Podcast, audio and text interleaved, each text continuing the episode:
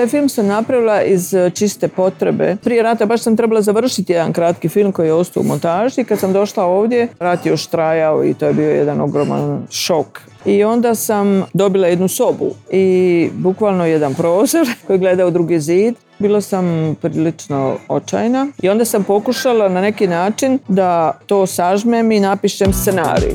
Slušate podcast o domaćeni. Dobrodošli u Odomaćene, podcast gde vam donosimo drugačije priče iz emigracije. U ovoj epizodi naša gošća je Rada Šešić, direktorka i osnivačica Eastern Neighbors Film Festivala. Takođe u ovoj emisiji pričamo o plivanju, ali pre svega toga da vidimo šta ima novo. Idu izbori u Holandiji, Evropski grad godine je Amersfoort.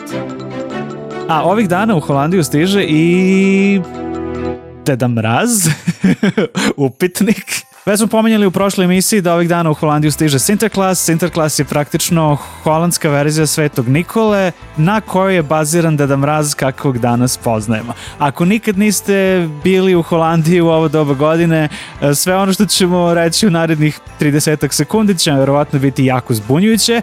Sinterklas živi u Španiji dolazi parobrodom iz Španije svake godine i nevaljalu decu vodi u Španiju. I ja jako želim da budem nevaljao, jako želim da me neko odvede u Španiju. Pridružujemo se ovim željama, svi kolektivno. Jedna jesen u Španiji bi svima legla. Njegovo putovanje od Španije do Holandije možete da pratite i na televiziji u Sinterklas žurnalu ili Sinterklas dnevniku koji je ove godine počeo 13. novembra. Svake godine se Interklasa dočeka neki drugi grad, ove godine to uh, Gorinhem i onda nakon Gorinhema on ovih dana stiže i u sve druge gradove. Međutim, deca poklone dobijaju tek na Svetog Nikolu, tako? Me, meni ništa ovo nije jasno, ima previše datuma. Evo, ja ću malo razjasniti kao iskusnija samo u smislu toga da imam čerku i da kad smo se mi doselili ništa nismo znali, bili smo potpuno pogubljeni u ovom prazniku, onda smo počeli da raščišćavamo ko je u stvari taj Sinterklas, znači da li je to Dedan Mraz, da li je to Sveti Nikola, da li je to Father Christmas ili Santa Claus, jer svaka od tih figura ima neku svoju tradiciju. U suštini je ovo najvažnije, ovaj Sinterklasov dolazak, to je najsvečajniji trenutak i od trenutka kada on stupi u Holandiju, kreću svakodnevno neke aktivnosti. Deca od tog dana ostavljaju svoje cipelice pored prozora ili ako imaju, u prošlosti je to bilo pored šporeta, pored znači nekog grejnog tela ostavljaju svoje čizmice, a Sinterklas im donosi sa hordom svojih pomoćnika razne poklončiće. S tim da su to znači svakodnevno mali poklončići od ne znam mandarine, čokoladica, nekih tradicionalnih poslastica koje se jedu za ovaj praznik do nekih sitnih poklončića, a deca pre nego što ostavljaju cipelice i kad ih stavljaju na to posebno mesto pevaju pesmice. To je ceo isto deo folklora koje su Sinterklas Liches poznate i ostavljaju crteže kao poklone za Deda Mraza i naravno za njegovog konja. On je preimao konja Ameriga, međutim Amerigo se penzionisao, tako da je sada došao novi konj od pre par godina, Snell, tako da se ostavljaju šargarepe za Snella i odrađene još poslastice. E, a ovo što si pomenuo, Jan, da su stvari za to veče Svetog Nikole, to je veče pre, to je 5. decembar, tada je pakje Salfond, to je veće poklona i tada deca dobijaju one najveće poklone koje smo mi navikli da se daju za Božić ili za Novu godinu. Tako da je ovo mnogo više deči praznik i praznik koji se najviše slavi i kome se deca najviše raduju u Holandiji, mnogo više nego samom Božiću i Novoj godini. Da li ovo znači da tvoje deca dobijaju poklone jedno dva do četiri puta u toku sezone? da, da, to baš to znači. znači. Zato što smo mi to vrlo onako razmišljali na koji način želimo sve te nove tradicije da inkorporiramo u neki svoj miš-meš, ne znam ni kako bih nazvala, neki patchwork tradicionalni. Tako da za našu porodicu praznici počinju u stvari od ovog Sint Martina o kome smo pričali prošli put, i Halloweena, pošto volimo i da se maskiramo i za taj praznik i traju sve do našeg Božića koji je posle nove godine. Sada kada je čerka malo veća, znači ima 8 godina i kada više ne veruje u celu ovu priču, je malo drugačije i jednostavnije hendlati sve to. Međutim, interesantno je kako je ona to sve uspela i kad je bila manja da nekako sklopi. Njoj je u glavi bio različit čovek Deda Mraz koji dolazi samo za novu godinu i donosi deci iz Srbije drugi je bio Deda Mraz, odnosno Santa Claus koji donosi deci iz Holandije za njihov Božić i u našem slučaju mi obično idemo za taj Božić kod prijatelja iz Hrvatske i onda je to njihov Deda Mraz koji naravno donese tada i Sofiji poklon zato što je Sofija se zadesila baš u tom trenutku kod prijatelja da bi onda naravno za naš Božić bismo jedni drugima dali poklone i podelili, a Sinterklas je naravno bio neprekosnoven pravi koga smo pratili. A možete me usvojiti? Od trenutka dolaska do kraja. Ako vas zanima više o ovoj temi, Olja ima i blog post o tome koji ćemo linkovati u opisu emisije. Također je na ovu temu gostovala na Radio Beogradu i to ćemo da linkujemo ako nađemo.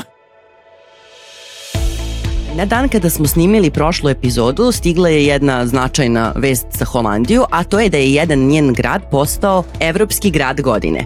I to nije jedno mesto za koje ste čuli ako ne živite u Holandiji. U pitanju je Amersfoort, gradić blizu Utrehta od nekih 160.000 stanovnika i možemo reći da su i Holanđani bili poprilično iznenađeni. Ali je zaista sladak, meni je taj gradić jedan od lepših onako i piktoreski. Apsolutno se slažem, ali nekako svi holanđani koje znam ovaj grad e, smatraju onako najprosečnijim holandskim gradom u svakom smislu. Koji su opšte kriterijume? E, pa to je fora.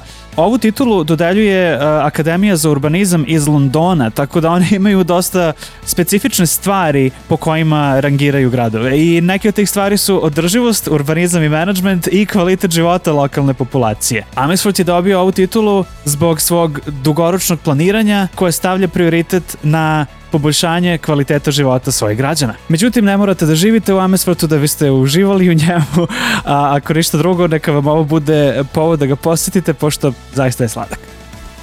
A ove srede su izbori u Holandiji, bira se nova vlada, odnosno biraju se članovi predsjedničkog doma ili ti donjeg doma holandskog parlamenta. Sa nama je Ema koja vam inače sprema pregled dešavanja u Holandiji, ali vrlo je strastvena kada se radi o holandskim izborima. Ema, bira se nova vlada i ovo su vanredni izbori, je tako? Tako je, ovo su drugi u dvije godine, drugi put pada vlada holandska. Da, ona je pala još u julu zapravo. Prethodne godine je pala zbog um, krize koja je bila vezana za dečje dodatke. Ovog puta se radilo o migracijonoj politici, odnosno konkretno o spajanju azilanskih porodica. Znam da je, da je bila ovaj, još, jedna, još jedno škakljivo pitanje vezano za e, brisanje SMS poruka. Premijer Rute je izbrisao svoje SMS poruke iz telefona, a to se ovdje ne sme nikako, tako da je bio na stubu srama zbog toga. Zbog čega sve padaju vlade po Europi.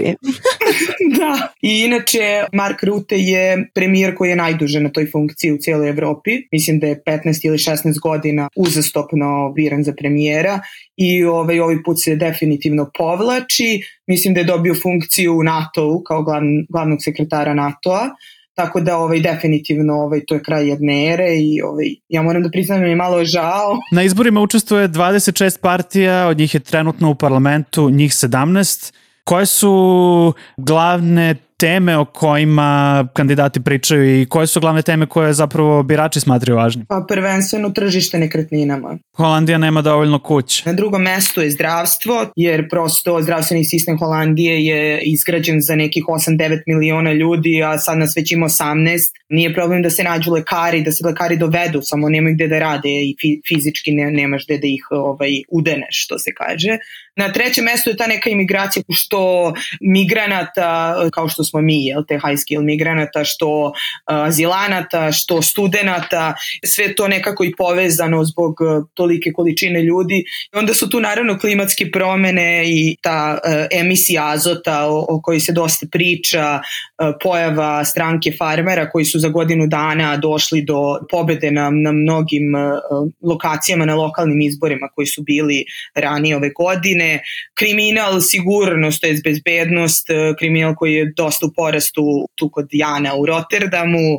Druge su tu stavke obrazovanje, naravno status profesora, nastavnika koji prosto više ne žele da rade toliko u prosjeti pa menjaju, menjaju svoje profesije i najvažnije je po da nevažno poverenje u vladu koje jako opada u Holandiji, a to je bilo nekako broj jedan za ovu zemlju. Znači ljudi su ovde zaista u celoj Evropskoj uniji nekako u Skandinaviji i Holandiji se najviše verovalo u političare i u prosto političke stranke i vladu da radi najbolje za narod.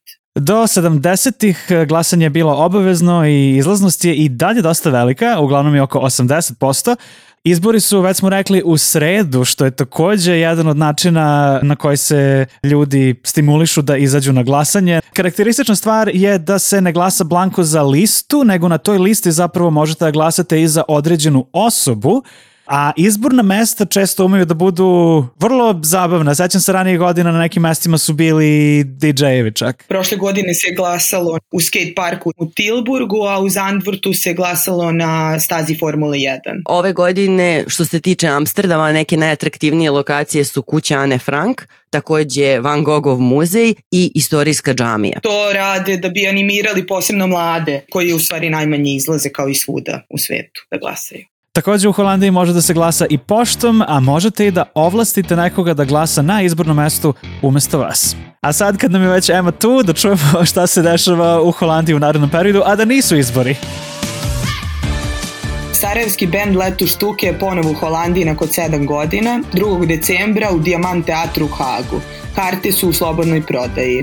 Također ću vam najaviti prve božićne markete koji kreću već od novembra. Od 21. do 26. u zamku Dehar e, u blizini Utrehta održava se božićni market puna atrakcija. Tamo ćete naći i kuću Deda Mraza kao i razne radionice za decu, a najavljuju i puno raznovrsne hrane. Prvi sljedeći koji se otvara je možda i najljepši market u Holandiji, u Maastrichtu od 30. novembra koji traje sve do 31. decembra. I njega je zaista najvrednije posjetiti ako ste u mogućnosti i ako želite da odete bilo gde, ja bih preporučila Božićni market u Maastrichtu. Pozdrav! Odomaćeni. Drugačije priče iz emigracije. Rada Šešić je između ostalog profesorka na Amsterdamskom univerzitetu, filmska kritičarka, selektorka brojnih internacionalnih filmskih festivala, i rediteljka. Osnivačica i direktorka Easter Neighbors Film Festivala. Ovogodišnji Easter Neighbors počinje u sredu i prikazat će 54 filma iz više od 30 zemalja. Tu će biti 26 gostiju i to reditelja, glumaca i scenarista. Ove godine nas na festivalu ukupno očekuje 36 holandskih premijera, a tu će biti i različiti prateći sadržaj, uključujući i degustacije vina iz Istočne Evrope. Uzgrad, ako vam se ide, poklanjamo vam i karte nakon intervjua. Sa Radom smo pričali o njenoj bogatoj karijeri i o jubilarnom izdanju festivala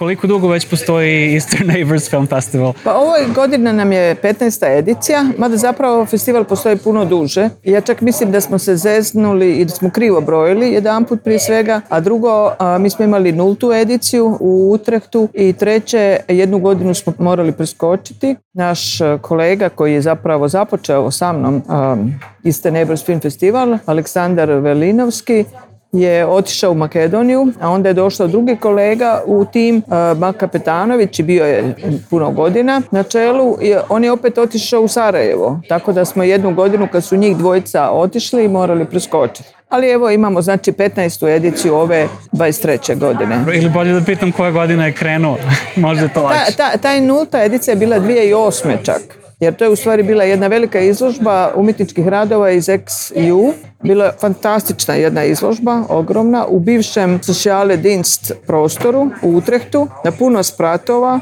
to su bili ogromni radovi iz svih naših bivših republika, veliki umjetnici izlagali i tako.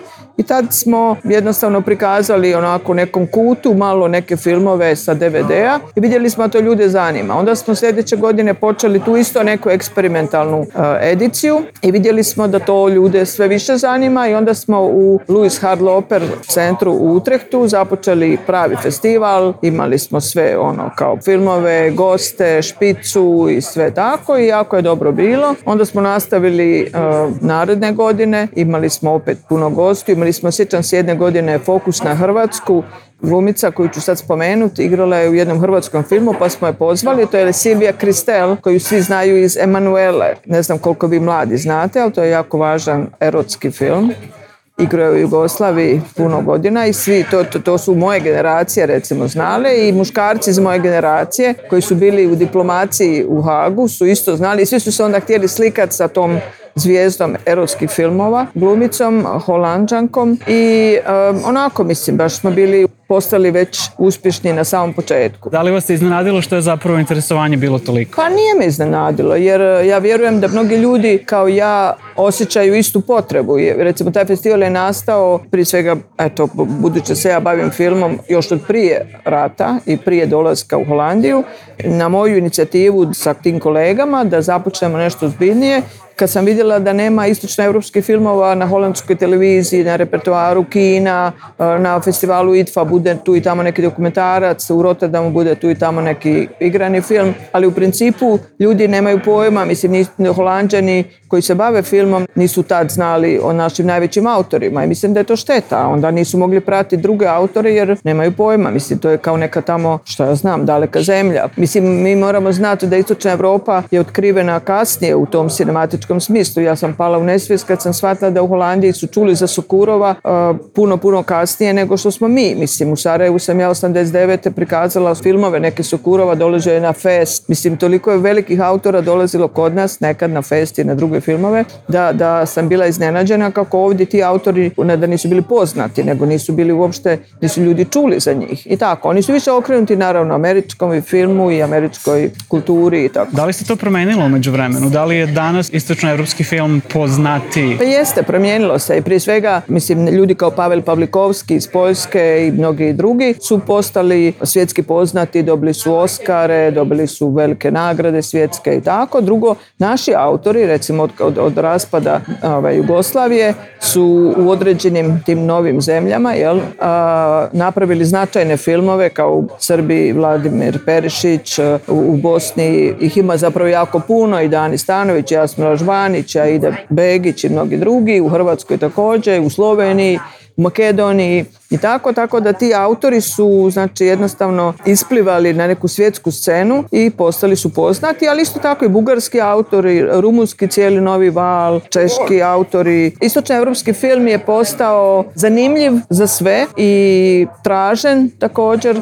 Eto, mi se trudimo da dovedemo ono što ne dođe. Još uvijek nema puno u kinima još uvijek distributeri su ti koji ne otkupljuju filmove za redovni repertoar kina. Televizije također otkupe neki film nakon dvije, tri godine pa vi nađe na, na VPRO, holandskoj televiziji koja je kao malo višeg nivoa po izboru programa, poneki film iz istočne Europe, ali sve u svemu to nije zastupljeno kao francuski film, španjolski film, njemački film, talijanski film, a mislim da bez obzira na veličinu zemalja da mi iz istočne Europe, kad ovako gledam, jel to je puno zemalja u pitanju, nije, nije Balkan samo, nego, nego je veliki, uh, velika skupina zemalja. Mi tu gledamo i Gruziju kao jednu silu veliku također i Ukrajinu i tako dalje. Znači, um, još uvijek nije ista isti broj E, reprezentiran kao ovih zemalja što sam spomenula koji su na zapadu. Kada već pričamo o zemljama, kako definišete istočnu Europu? Teško je definisati istočnu Europu. Mi zato na festivalu Eastern Neighbors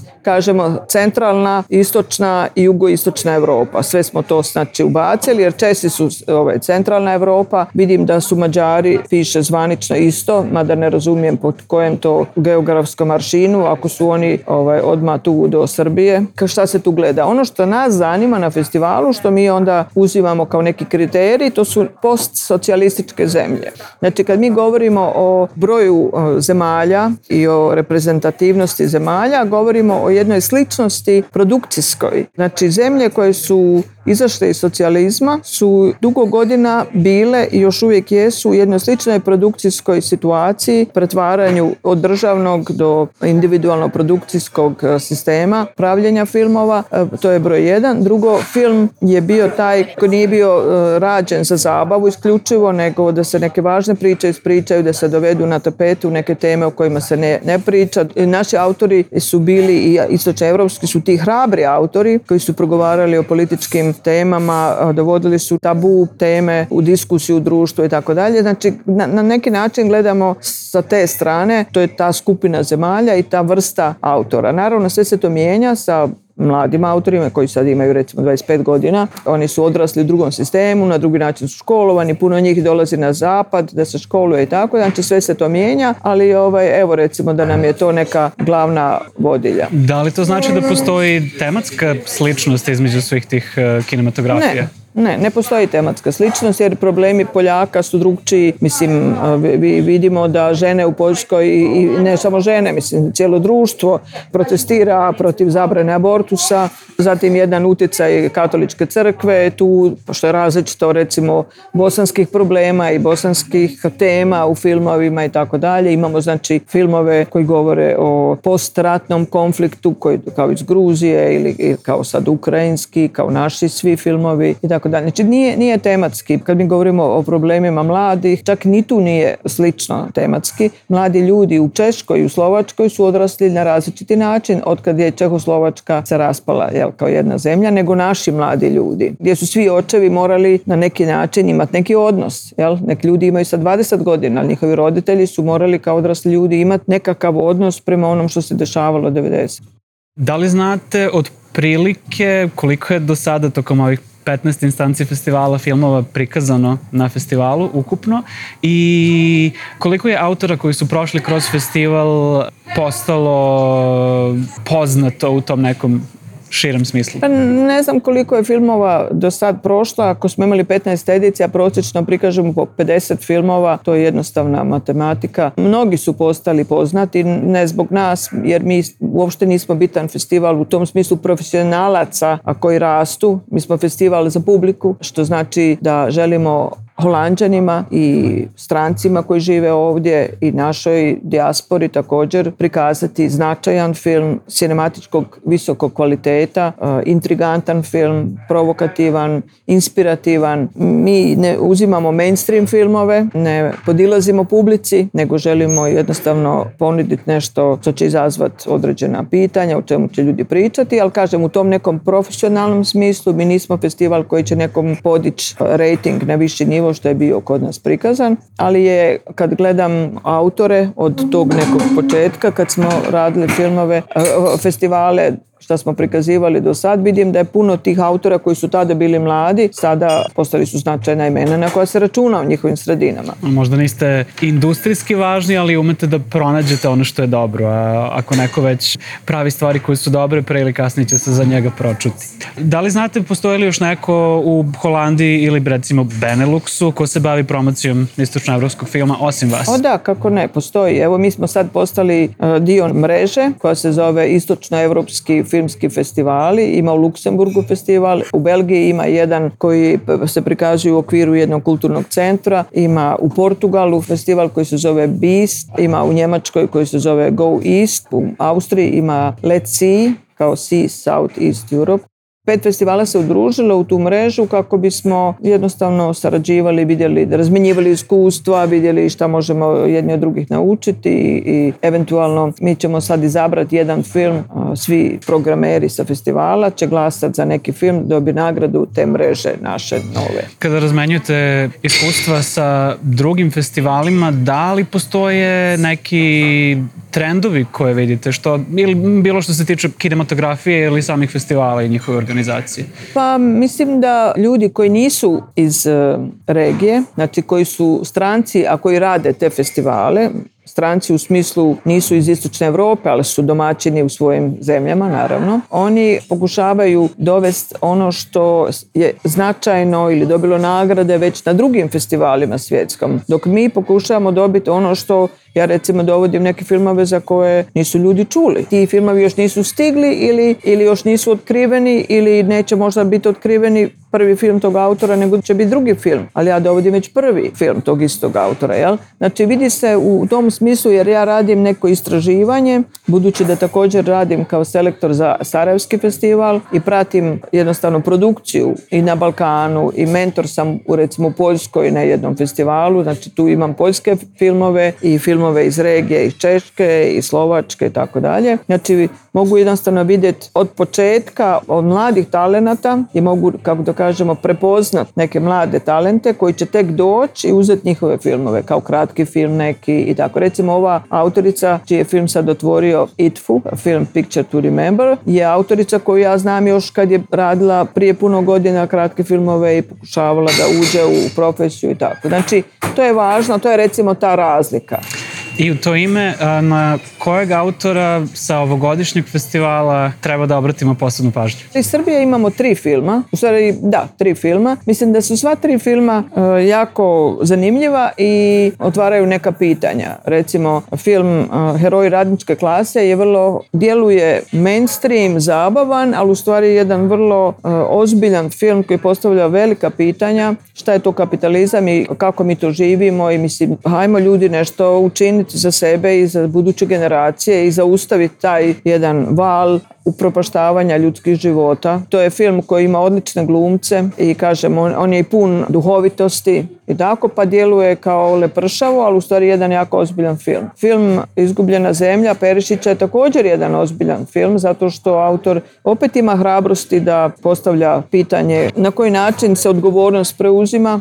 Treći je film ove Kristina Nikole Spasića koji eh, govori o ljudima koji imaju drugačije izbore u, svom životu, u svom odnosu prema partnerima, u svom seksualnom opredjeljenju i tako dalje. Mislim da su to recimo filmovi koji zavrijeđuju pažnju jer otvaraju bitna pitanja. Ma mislim zapravo ih ima jako puno. Teško mi je izdvojiti recimo film King Lear, to je dokumentarni film iz Ukrajine ili kako smo tražili ljubav u vrijeme rata je film koji govori o mladim ljudima koji su se morali preseliti iz određenog grada u Ukrajini, u, zapadnu Ukrajinu i onda rade jednu pozorišnu predstavu. Film Teone Mitevske iz Makedonije rađen po istinitoj priči scenaristice Elme Tataragić je film da, da boli glava. Mislim, ne možete vjerovati da je tako nešto moguće da se dogodi čovjeku i napravljen je na izvrstan način. Opet, e, mislim, ono što je, što, što je e, ljepota u tim filmovima i umijeće autorsko i vrlina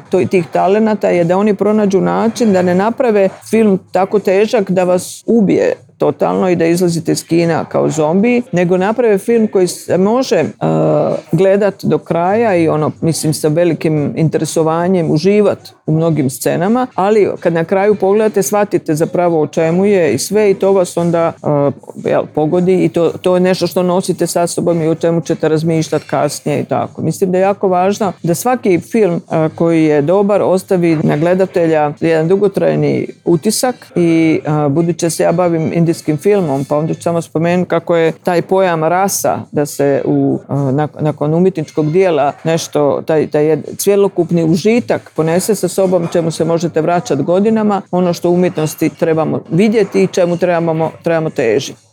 Po dolasku u Holandiju 90. ih godina režirali ste film Soba bez pogleda. Kako je došlo do nastanka ovog dokumentarnog filma i kakva je bila njegova percepcija? I ovdje i kod nas na Balkanu. Pa zapravo, taj film sam napravila iz e, čiste potrebe i čistog očaja. Ja sam kod nas u Sarajevu napravila nekoliko kratkih filmova i bila sam asistent režije na igranim filmovima kod rediteljice Vesne Ljubić. I prije rata baš sam trebala završiti jedan kratki film koji je ostao u montaži. Kad sam došla ovdje, naravno da, mislim, rat je još trajao i to je bio jedan ogroman šok u svakom pogledu, ljudskom, životnom, prekretnica jedna velika i tako. I onda sam dobila jednu sobu kao mjestu gdje ću živjeti i to je stvarno bukvalno jedna soba i bukvalno jedan prozor koji gleda u drugi zid. I tako bila sam prilično očajna, ne zbog te sobe i zbog zida, nego zbog toga što je, kažem, rat trajao, što sam ja tu, što su svi ljudi koje znam tamo i ne znam da li će sutra biti živi, oni nemaju što da jedu, ja imam šta da jedem i to mi prisjedne svake sekunde kad jedem. Osjećate se užasno krivim i mislim da sad ne ponavljam sve ono što mnogi su se osjećali, vjerujem, u tom periodu. I onda sam pokušala na neki način da to sažmem i napišem scenarij. I napravila sam scenarij, naravno ovdje nisam nikog živog poznala u Holandiji i najviše sam išla u biblioteku jer to je jedino mjesto gdje je toplo i besplatno, ne morate u kafanik naručivati piće i kafe, nego u biblioteci sjedite i niko vas ništa ne pita. Svi su časopisi i knjige koje možete čitati e, slobodni, jel? I onda sam čitala taj engleski Sight and Sound jer nisam znala holandski. I onda sam našla da ima i screen ovaj, holandski također i tako sam nešto listala i gledala, pisala sam na njihovu adresu pismo rukom jer čovjek nema onda ni ni pisaću mašinu, a kompjuter nisam ni, imala ni u Sarajevu. I tako sam ovaj, poslala pismo što sam radila prije to. I onda sam jednostavno došla u kontakt i našla sam jedne mlade producente koji su imali svoj stichting u Utrehtu. I sjećam se da sam se strašno pripremila mentalno kako ću tamo otići. Oni su bili daleko izvan te sobe gdje sam ja stanovala, pa sam se bojala da ću kasniti. Uzela sam taksi koji sam previše platila za onu situaciju kad nisam imala dinara i onda sam se tako uredila u neku odjeću kao ono nešto pristojno, fino i to. I dođem tamo i nađem jednu grupu mladića s nogama na stolu i mislim onako jedne holandžane, onako vrlo ležerno obučene koji isto su dolazili svi ono neko kasnije i tako. I oni su htjeli biti producenti i to im je bio prvi film i napravili smo zajedno film. Mislim to su bila samo pet dana snimanja, četiri u toj sobi i jedna u tom kao snoviđenju. Snimate je bio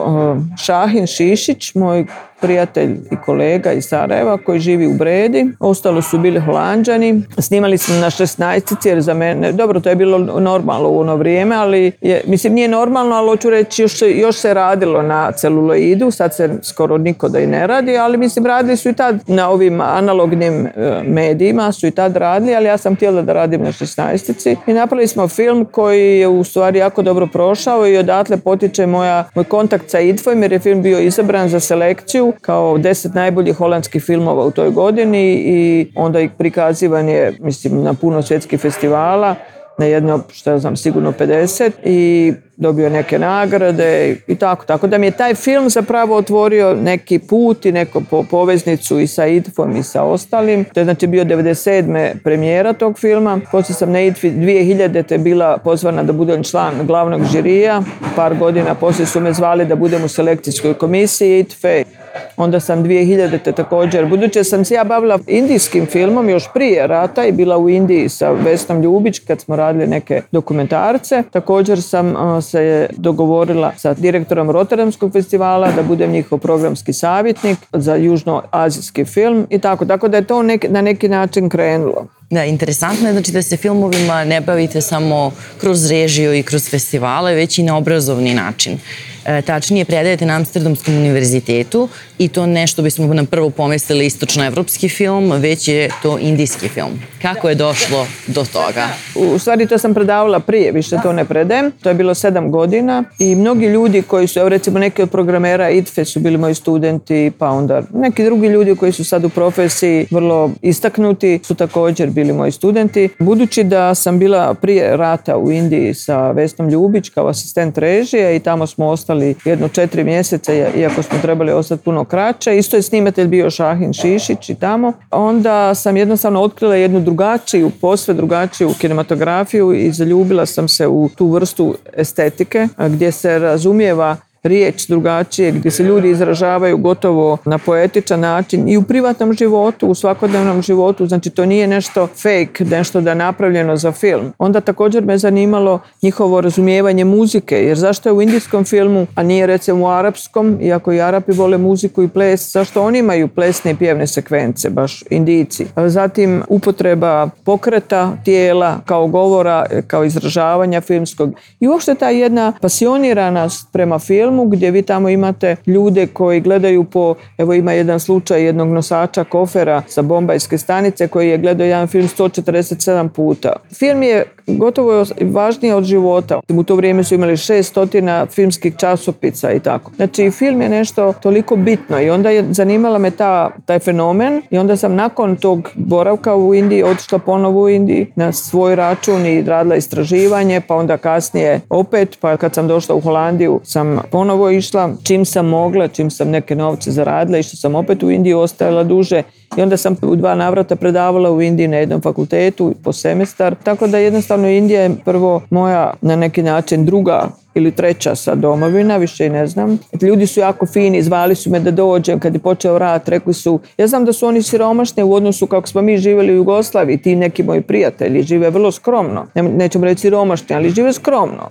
sa, puno članova obitelji u istoj kući i tako. Oni su me zvali da dođem kod njih prije nego što sam došla u Holandiju. Tako znači sve to i mentalitet ljudi i film, sve me je to jako zanimalo i onda sam ovdje, budući da očigledno nije bilo puno stručnjaka za film. Zvali su me na sveučilištu ovdje, univerzitetu u Amsterdamu. Taj profesor Thomas Elsesar koji je jedan od, on je umro nažalost, jedan od najistaknutijih filmologa je imao intervju sa mnom i eto, dopalo mu se to što, o čemu smo pričali, primio me da predajem, to je bio trimestar, svake godine jedan trimestar, ali puno je filmova, nisu oni dolazili samo iz jednog fakulteta, oni su dolazili iz antropologije i sa drugih i iz Belgije čak. Imam šest recimo studenata koji su diplomirali iz indijskog filma, imali su teze, nešto vezano za indijski film. A mislim da je to značajno. Recimo oni kad dođu na predavanja, ja njih pitam, ko je gledao koji indijski film? Javi se dvoje, od njih 30 pitam kako se zove taj film, šta je, joj ne sjećamo se neka melodrama o ljubavi. Pa kažem pa svi su melodrama o ljubavi. I onda šta mislite o tome? Pa kao ono malo glupo i to. Oni upišu taj predmet jer im je to,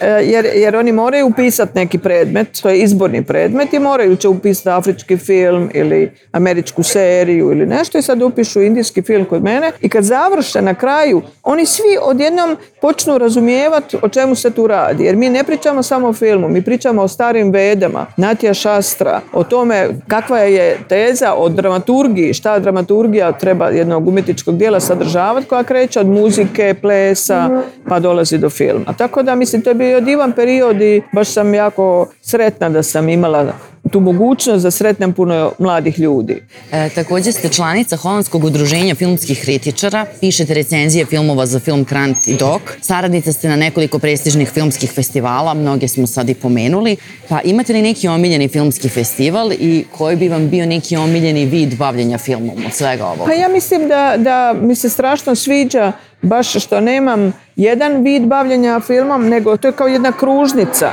Svaki taj segment kruga ja sam nekako isprobala i razumjela. Jer mislim da je važno jednom kritičaru koji znači, analizira film, razumjeti kako se film radi. Jer je jako bitno da čovjek razumije proces rada prije nego što se, da tako kažemo, usudi da procjenjuje taj rad. A s druge strane, drago mi je da imam iskustvo pisanja u filmu kao kritičar, da kao režiser mogu da shvatim da ljudi imaju pravo da analiziraju tvoj film i da kritiziraju, da kažu da za njih nije proradio, recimo da E, neke stvari koje si ti recimo zacrto i zamislio da će biti zanimljive nisu za ljude tako ispale kako si ti htio i tako dalje.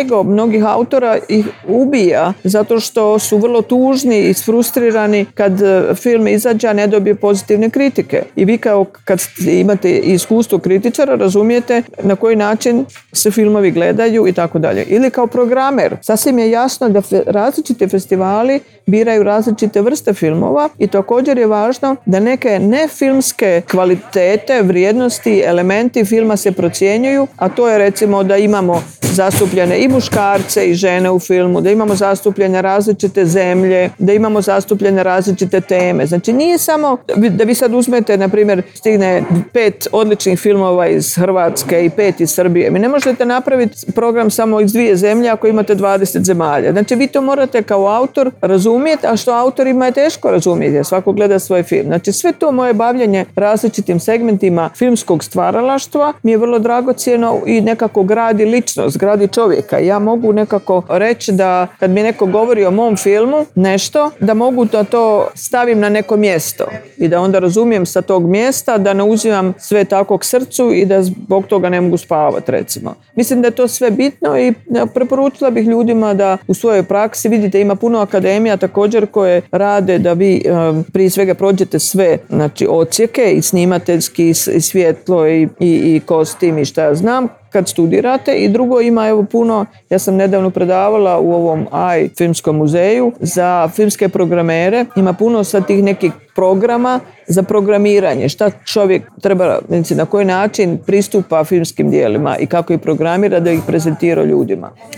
E, već dugo živite u Holandiji. Kako je tekao vaš put integracije u ovo društvo i koje stvari u holandskom mentalitetu i kulturi volite, a koje možda i ne i na koje se možda niste navikli sad već posle toliko godina? Nekako ja jesam ovdje 30 godina i to je jedan ogroman, ja sam rođena u Hrvatskoj i tamo sam živjela 18 godina i onda da 17 u Sarajevu, a ovdje sad živim najviše. Što mi je totalno nezamislivo i totalno mi ne ide u glavu da je to moguće, da je ovo zemlja gdje ja u stvari živim najveći dio svog života i tako ne osjećam. Ja osjećam da tu živim i sve je fino i ok, ali ne osjećam da sam sad, da tu pripadam više nego tamo. Vrlo volim Holandiju i volim život u Holandiji, ali isto tako sam nakon nekih godina pokušavanja, razumijevanja, drugačije kulture, što je jako smiješno jer mi smo svi, mislim, mi izgledamo izgledamo isto i sve isto i zašto onda, čemu je ta velika razlika? A razlika je velika razlika u jednostavno odrastanju taj kapitalizam u stvari i taj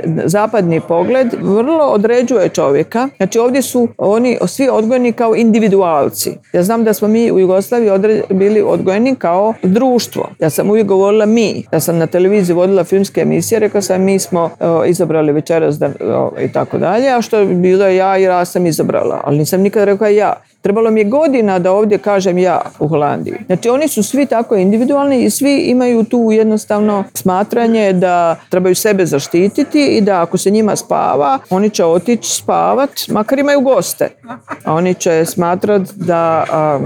Ako trebaju ići jest, oni će ovaj, isto tako reći, evo dođite malo kasnije kad imamo večeru, pa nakon večere dođite. Vrlo otvoreno. Tako da neke stvari je teško prihvatiti da je to normalno, ali to je društvo tako. Oni su svi takvi i mislim, vrlo je normalno da kad dvije prijateljice putuju vozom i ja razumijem šta one pričaju, vidim da su dobre prijateljice, da jedna jede bombone i ovu uopće drugu uopće ne ponudi ni jednom. I tako. To je ovako glupo kad čovjek kaže, ono sitnice i to, ali to je Dakle, to su sitnice koje reprezentuju u stvari jedan sklop čovjekovog ponašanja i razmišljanja. Onda čovjek očekuje, pa se trudi, pa poziva. Ja sam recimo pozvala, kad sam bila u toj sobi, u tom svom stanu, to su znači bili studentski kao stanovi, sobe do sobe i to je između vrata i vrata je možda pola metra. Znači do mene stanuje neko drugi i taj drugi, ja ga vidim svaki dan i, vidi on mene i nešto mi glupo da se kao sad viđamo na vratima, ja ga pozovem na večeru jednom večer, to je znači bilo bilo prije 30 godina.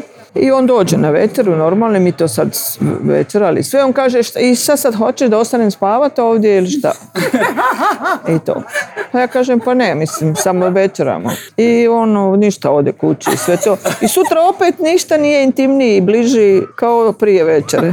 A, znači, trebalo mi je to godina tog nekog pokušavanja, razumijevanja, ovo ono i onda sad već određeni broj godina ništa ne očekujemo. Jer oni su fini ljudi, oni su vrlo humani i, i oni žele svima pomoći. Mislim, oni su ljudi koji odlaze u Afriku, u konfliktne zone, oni su ti ljekari, medicinske sestre, edukatori i sve tako koji idu po cijelom svijetu vrlo darežljivo poklanjaju ljudima svoje vrijeme i svoje znanje i sve tako. Znači, uopće ja ne kritikujem ljude. Ja samo govorim o odrastanju i o ponašanju koje je ugrađeno u to odrastanje je taj individualizam je drukčiji od našeg neindividualističkog odrastanja, jel tako? I, i, i u tom je u stvari najveća ta razlika. Ja sam individua, ja, ja treba da sebi dam prostor i ja tražim prostor, ja zahtijevam prostor, ne da ja kao molim, ja zahtijevam i to je to. I kaže, kad čovjek ne očekuje, onda je fino, onda ne očekujete i s tim se pomirite i to je to. Tako da ja recimo imam i puno prijatelja Holanđana i puno naših prijatelja, jel? mislim iz XU i iz nekih drugih zemalja, Istočne Europe i tako dalje, puno kolega i sve ok, ali mislim kad čovjek promijeni boju očekivanja, onda puno mirniji i puno se osjeća fino. I za kraj, pošto svakog gosta pitamo šta vam je potrebno da se osjećate negde odomaćeni i gde se osjećate najviše odomaćeni? Da li je to Holandija ili je to ipak eh, Balkan, Znate, znate šta, i to je vrlo kompleksno. Ja kad sam recimo u Sarajevu, evo recimo ja sad radim, pre, predajem u Amsterdamu na masteru, pa idem iz Utrehta, u Utrehtu živim. Inače idem i tako putujem i, i sad na ITFI radim i tako. Znači ja kad sam u Amsterdamu, bez obzira što sam bila puno puta, ja i dalje moram misliti kud idem, da ne promašim ulicu i to. U Sarajevu uopšte ne moram misliti, jer noge same idu. Ja znam kud trebam ići, ja tamo dođem, a mislim o nečem drugom, telefoniram ili nešto nešto. To je ta razlika. Vi pripadate nečemu. Drugo, ja pripadam tom pejsažu. Mislim, zato recimo ja se osjećam vrlo anacionalno. Ja ne razumijem, mislim, poštujem ako neko to ima, ali ja lično nemam nikakvu ovaj, osjećanje nacionalno, da se ja osjećam nacionalno tako. Znači, ja sam privržena našem pejsažu koji sam gledala našoj muzici, hrani, licima naših ljudi, bliskosti naših ljudi koje se uspostavi između čovjeka i čovjeka i tako dalje. Znači to je nešto što je dio mene i što mi nedostaje. U Holandiji mi je dobro i tu čovjek je izgradio neki svoj poslovni život, znači od kad je došao, to je ok. U Indiji mi je divno, isto tako, jer oni imaju jednu veliku sličnost sa ljudima iz bivše Jugoslavije u toj prisnosti, bliskosti, u tom odnosu prema porodici, čovjeka prema čovjeku. ima nečeg lijepog. primjer ono kaže čovjek, joj nisam mogao doći, stigla mi je tetka. Mislim, nečega da neki prioriteta koji su možda čudni, ali imaju puno ljudskosti u sebi. Tamo čovjek hoće pomoć drugom čovjeku i tako. Tako da osjećam se na svim tim mjestima, kad kažem kod nas, to mislim na sve naše ju zemlje, bukvalno na sve, kažem gdje sam rođena i gdje sam živjela, ali isto tako sam putovala svuda i bila i profesionalno i privatno. To je taj prostor naš. I tako da, mislim, u stvari mi je jako drago da se mogu na puno tačaka osjećati vrlo kod kuće i biti to što jesam. Čovjek mora nekako, što bi se reklo, kad ga bace, dočekat se na noge, se kaže. Tako, tako da mislim da je to isto važna vrlina čovjeka da pronađe u nekim najtežim situacijama nešto pozitivno. Eastern Neighbors Film Festival održava se od 22. do 26. novembra, a ukoliko živite u Holandiji i želite da idete na festival, imamo i karte za vas. E, poklanjamo dve karte za film One of Us, dve karte za film Ordinary Failure i dve karte za film Wake Me. Sve što treba da uradite je da nam pošaljete mail na redakcija at odomaćeni.com. Ko se prvi javi, dobija dve karte. Holanđani ozbiljno shvataju plivanje. Ovo je veoma mudro za zemlju koja koegzistira sa vodom, jer ima 40% svoje kopnene površine ispod nivoa mora. Sertifikat za plivanje je imperativ. Većina Holanđana posjeduje plivačku diplomu koju su dobili kao deca. Ema, da li tvoja čerka uči da pliva? Da, moja čerka je zapravo naučila da pliva, dobila je ovu osnovnu A diplomu, sada je prelazi na B nivo jer ona to želi, ima da to nije obavezno, ovo je još uvek za njene godine. Nekako se očekuje da deca sa, da kažeš, 7-8 godina imaju tu A diplomu, B diplomu da imaju negde, da, da kažeš, do kraja osnovne škole i C naravno to je neki najviši nivo. Ja iskreno da budem nisam toliko istraživala, ali iz nekih priča sam čula da je C nivo neki kao kada zarobljen na dnu uh, bazena, obučen, trebaš da se iskobeljaš iz toga i da isplivaš gore. Znači deca krenu da uče da plivaju to rano u Holandiji. Sa da, koliko godina Pa u suštini savet je da ih stavite što ranije. Mislim, deca kreću u Holandiji sa četiri u školu. Znači, ne sa četiri već možete da ih date na plivanje u suštini ne krene se, mislim barem ja ne znam da se krene nešto prije neke 5. 6. godine, jer su te kažem liste čekanja ogromne i onda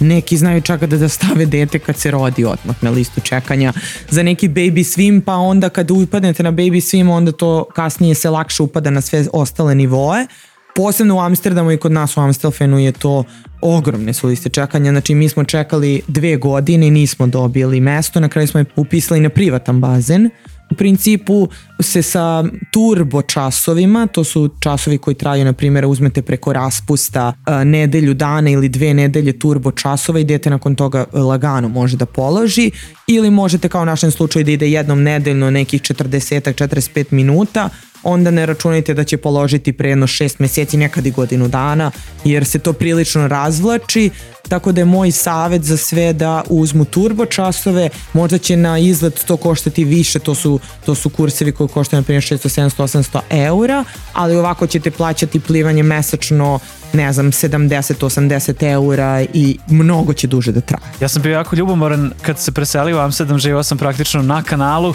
koji je bio čist zato što nije bio tipičan amsterdamski kanal, nego je bio na jezeru i ta količina male deca koje celog leta skaču u taj kanal, a ja sa 30 kusur koji nisam znao da plivam, ovaj, samo gledam i kao plačem. Sad ti nama reci kada si ti krenuo na plivanje? Ja sam krenuo na plivanje ove godine, u martu. Zašto si se odlučio da sada naučiš da plivaš? Iskreno falio mi je taj skill, iskapirao sam da dosta iskustava koje želim da imam u životu uključuju plivanje ili penjanje, pa je bar da krenem od plivanja.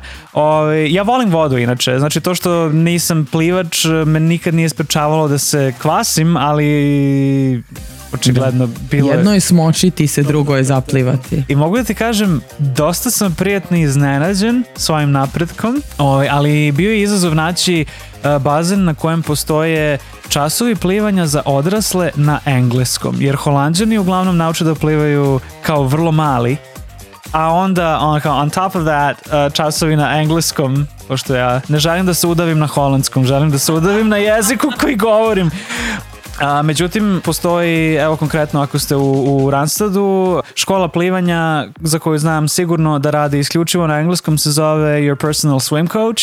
E, imaju časove u Amsterdamu, u Rotterdamu, u Hagu i ja mislim u Utrehtu, tako da bilo gde u četiri najveće grada. Također mi je jako interesantno, pre nego što sam krenuo da idem na časove plivanja, nisam skapirao koliko ljudi ovde zapravo ide na bazen kao formu rekreacije. Ne samo leti, nego kao tokom cele godine. Mi smo imali ovaj godišnju pretplatu u, jednom sportskom centru koji je imao bazen, koji se grejao. Ja sam tu išla na akvabik i na e, neko relaks plivanje, to je bilo plivanje više za opuštanje leđa i tako da je bilo fantastično.